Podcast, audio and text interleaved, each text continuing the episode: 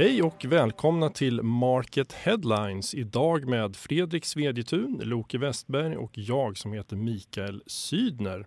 Dagens rubriker 50 talanger som spås ta över svensk retail. GKs-chefen Patrik Levin om sin karriär och så ska vi prata om handelns största konkurser och framförallt vad var det som hände efter dem? Och mest läst den här veckan är vår pinfärska lista över handelns talanger. Det här är andra året på raken som vi publicerar en sån här lista. Och Fredrik, du har ju ägnat en hel del tid åt att sammanställa den. Vad, vad har du att säga om, om årets lista? För det första, som du säger, att det har varit en hel del jobb med att få ihop den. Eh, vi på Makes redaktion har ju gjort en rejäl research för att hitta rätt kandidater. Och vi har ju kontaktat många i branschen också om vilka de vill se på listan. Och sen har vi också tagit hjälp av Marcus läsare som faktiskt i år har bidragit med en rad namn på den här listan. Och ja, resultatet har blivit en, en genomarbetad lista med 50 talanger inom handeln. Och det här är ju då personer som befinner sig på olika företag och olika positioner i handeln och, och över hela Sverige. Vi har ju faktiskt på ganska kort tid sett också att den har fått väldigt stort genomslag på, på LinkedIn. Ja men verkligen, det här är ju sånt som, som folk eh, älskar att ta del av. Man gillar ju dels att eh, liksom dela den själv såklart om man, om man är med på listan men man är ju också snabb att, att hylla sina duktiga kollegor som, som får den här uppmärksamheten. Så mm. att, eh, det är ju en, en väldigt glad och positiv lista tycker jag som, som sprider, sprider mycket glädje och inspiration skulle jag säga. Det kanske kan behövas i dessa tider. Ja, verkligen. Varför behövs det en sån här lista då? Eh, bortsett från det här uppenbara du sa till sista där. Jag kan tänka mig att det, det finns ganska många som fnyser åt den här typen av listor och undrar om en affärssajt som Market ska hålla på med det. Men, men jag tycker att, att den här listan fyller en viktig funktion. För det som är fantastiskt med handeln det är ju att det är en bransch som sysselsätter mer än en halv miljon människor och det är en viktig ingång framförallt för unga människor på arbetsmarknaden. Så att genom att lyfta och hylla de här unga personerna som har visat framfötterna och gjort en snabb karriär så, så hoppas jag att vi kan inspirera många andra unga att välja en, en karriär i handeln. Mm. Eh, och eh, ja, jag tycker att listan visar att, att den här, i den här branschen kan man uppnå sina drömmar och man, liksom om man bara visar prov på, på flit och engagemang helt enkelt. Och det kan gå ganska snabbt dessutom för många av unga, de här unga människorna har ju faktiskt kommit en ganska bra bit på väg. Ja men verkligen och där hoppas jag också att, att de företagsledare och chefer som tar del av den här listan att de också inspireras och förstår att det kan vara värt att satsa på unga personer som, som visar framfötterna. Mm. Det är något som jag vet att handeln är bra på som jag även hoppas att handeln fortsätter att vara bra på. Eh, och att handeln därigenom fortsätter att fungera som en arbetsgivare som, som förverkligar drömmar för många unga människor. Googla talanger. Ja men precis och, och hela den här listan då hittar ni alltså på market.se. Vi lämnar talanglistan så länge och pratar om en annan talang som ju har blommat ut eh, och det är Patrik Levin som är VD för GKs. På market.se ger han en del råd till just unga retail-talanger. Vad är det för råd Loke, du som har pratat med honom i veckan här? Ja men precis, en talang får man ju verkligen säga att han är och de råden han har de kommer väl egentligen som ett resultat av eh, de misstag han själv anser sig ha gjort och det var att lite tidigt i karriären ha lite för bråttom och, och liksom vara lite på för mycket på hugget efter att ta sig uppåt utan rådet som man delar med sig av egentligen är väl att ha tålamod och arbeta och, och se till att du är den bästa på ditt jobb eller så bra som du kan vara. Och när chansen så småningom dyker upp så ska du vara det självklara valet för att få en befordran eller ett annat företag som värvar dig eller ja. Så det, det var det han lyfte fram som ja, han kanske varit lite dålig på men, men om man skulle gjort om någonting och, och gjort det ännu bättre så är det det. Är man duktig så lönar det sig. Då kommer resultaten helt enkelt. Lite av sig själv ja. Ja men det var väl ungefär det han var inne på. Trots det här misstagen som man pratar om så har han ju ändå gjort en ganska rask karriär i handeln. Eh, vad är han själv mest stolt över i den resan? Rent konkret eh, lyfter han väl det här eh, traineeprogrammet han var med och tog fram för, för Netto hos olika distriktschefer och, och i det arbetet.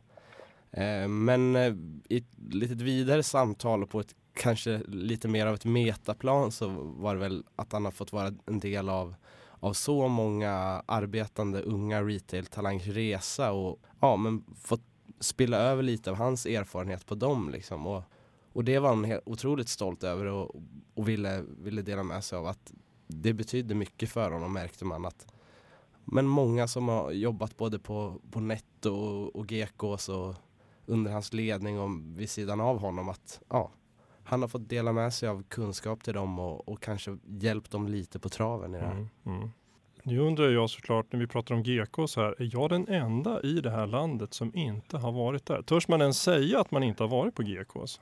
Jag har varit där, dock inte i shoppingärende, utan, eh, eller delvis, men en gång i tiden när jag jobbade som mystery shopper så fick jag gå in där och titta lite på hur personalen presterade. Men det var ett x antal år sedan. Men eh, kom du in utan att köa? Det gjorde jag. Det var sent på kvällen så att det, ja, ja, det var ingen där helt enkelt. Fredrik, har du ja. varit där? Ja, men jag har varit på Gekås ett par gånger, men det var väldigt länge sedan sist. Men jag har varit där eh, både som barn med mina föräldrar och sen har jag gjort det också någon gång i vuxen ålder. Eh, och det är, eh, vad ska man säga, intressant. Det är en destination som då kvarstår för mig att bocka av på min egen lilla att göra-lista helt enkelt. Vi kommer nog dit här också så småningom. Gekås är ju en 60-årig väloljad framgångsmaskin kan man väl säga. Det kan man inte säga om de företag som ju har gått i konkurs de senaste åren. Men faktum är faktiskt att flera av dem efter en omstart har blivit ganska framgångsrika. Eh, vår nya genomgång här visar att av de 30 största varumärkena som gick i konkurs sedan 2019 så är det faktiskt hela 20 som har överlevt. Och ett av framgångsexemplen där det är ju MQ som fick ett enormt uppsving genom bland annat att gå in på, på Zalando. Och, och det är något som det kanske inte hade varit riktigt möjligt i MQs gamla bolagsform då menar Patrik Stopendal som är industridoktorand inom digital handel som jag pratade med en del när jag gjorde just den här artikeln. Då. Och en slutsats i den här kartläggningen som vi har gjort då, det är att starka varumärken faktiskt kan krascha men blomstra igen med ny ägare och, och bra ledare. Vad, vad, tänker ni spontant på för varumärken som har krisat och kommit tillbaka? Det finns ju faktiskt en hel del exempel när man, när man tänker till lite. Till att börja med måste jag ändå säga att jag älskar den här typen av uh, turnarounds. Företag som, som är på fallrepet och går under och sen kommer tillbaka. Det är oerhört uh, inspirerande och roligt tycker jag. Mm. Uh, en sån där personlig favorit tycker jag är Hemtex som ju hade enorma problem under många års tid. Mm. Eh, där de eh, redovisade negativt resultat men, men eh, som sen fick in en ny ägare och lyckats vända. Och idag är Hemtex en stor livskraftig spelare som, som växer. Jo, just Hemtex är ju intressant. För ett antal år sedan så var det ju bara röda prislappar. Det var ju bara kampanjer. Det var ständigt rea på Hemtex och det fanns liksom inga marginaler och det var bara dystra delårsrapporter hela tiden. Och sen som du säger, man bytte ägare och plötsligt så går det bra ja, man gjorde sin läxa helt enkelt och funderade på, på vad som är rätt och fel i det man gör eh, och så lyckas man vända på det hela. Precis. Loke, något exempel som ligger dig nära till hands? Jo men det får man väl säga att det är. Även om det är svårt att avgöra om, om de kommer blomstra eftersom det är så färskt. Men indiska kommer ju direkt till mig måste jag säga. Och det beror väl framförallt på att jag har skött stora delar av rapporteringen om både innan konkursen, under den och, och även det nya ägarövertagandet där. Mm. Ehm, men som sagt, det är ju lite för tidigt att säga om, om det kommer blomstra eller inte, men det är väl inte helt omöjligt. Jag kan också passa på att säga det att om ni har missat eh, den artikeln som, som Loke pratade lite kort om där, en stor, eh, stor kartläggning, stort researcharbete som du och en kollega gjorde här eh, som visade på liksom hela historien egentligen kring Indiskas konkurs och vad som hände sen. Så gå in på market.se och leta upp den för den är väldigt läsvärd. Någon annan, något annat exempel så här, Teknikmagasinet var ett annat bolag som också varit inne och haft det väldigt, väldigt jobbigt men som man nu ska få på banan. Det är gott om exempel här helt enkelt. Jo men det får man verkligen säga. Jag ska säga det att jag har inte hunnit ögna igenom den här listan allt, allt för, för många gånger. Men absolut Teknikmagasinet. Eh, nu vet jag inte riktigt hur deras, deras siffror ser ut nu men de var ju väldigt långt ner i det ett tag. Ja, och det, det, vi har ju ett annat eh, bolag, Ritz och ett aktuellt bolag som egentligen bara är på väg åt helt fel håll nu. Så det får man väl också se om, om man överlever eller inte. Nu kanske inte Ritz är ett sånt gammalt varumärke som, som till exempel indiska. Men det är intressant som du var inne på Fredrik också att se hur man kan vända på varumärken som, som ändå i grund och botten är ganska starka. Och apropå det så ska det bli jätteintressant att se vad som händer med Åhléns. Ja. Inte att förglömma. Precis, det är något som pågår just nu faktiskt.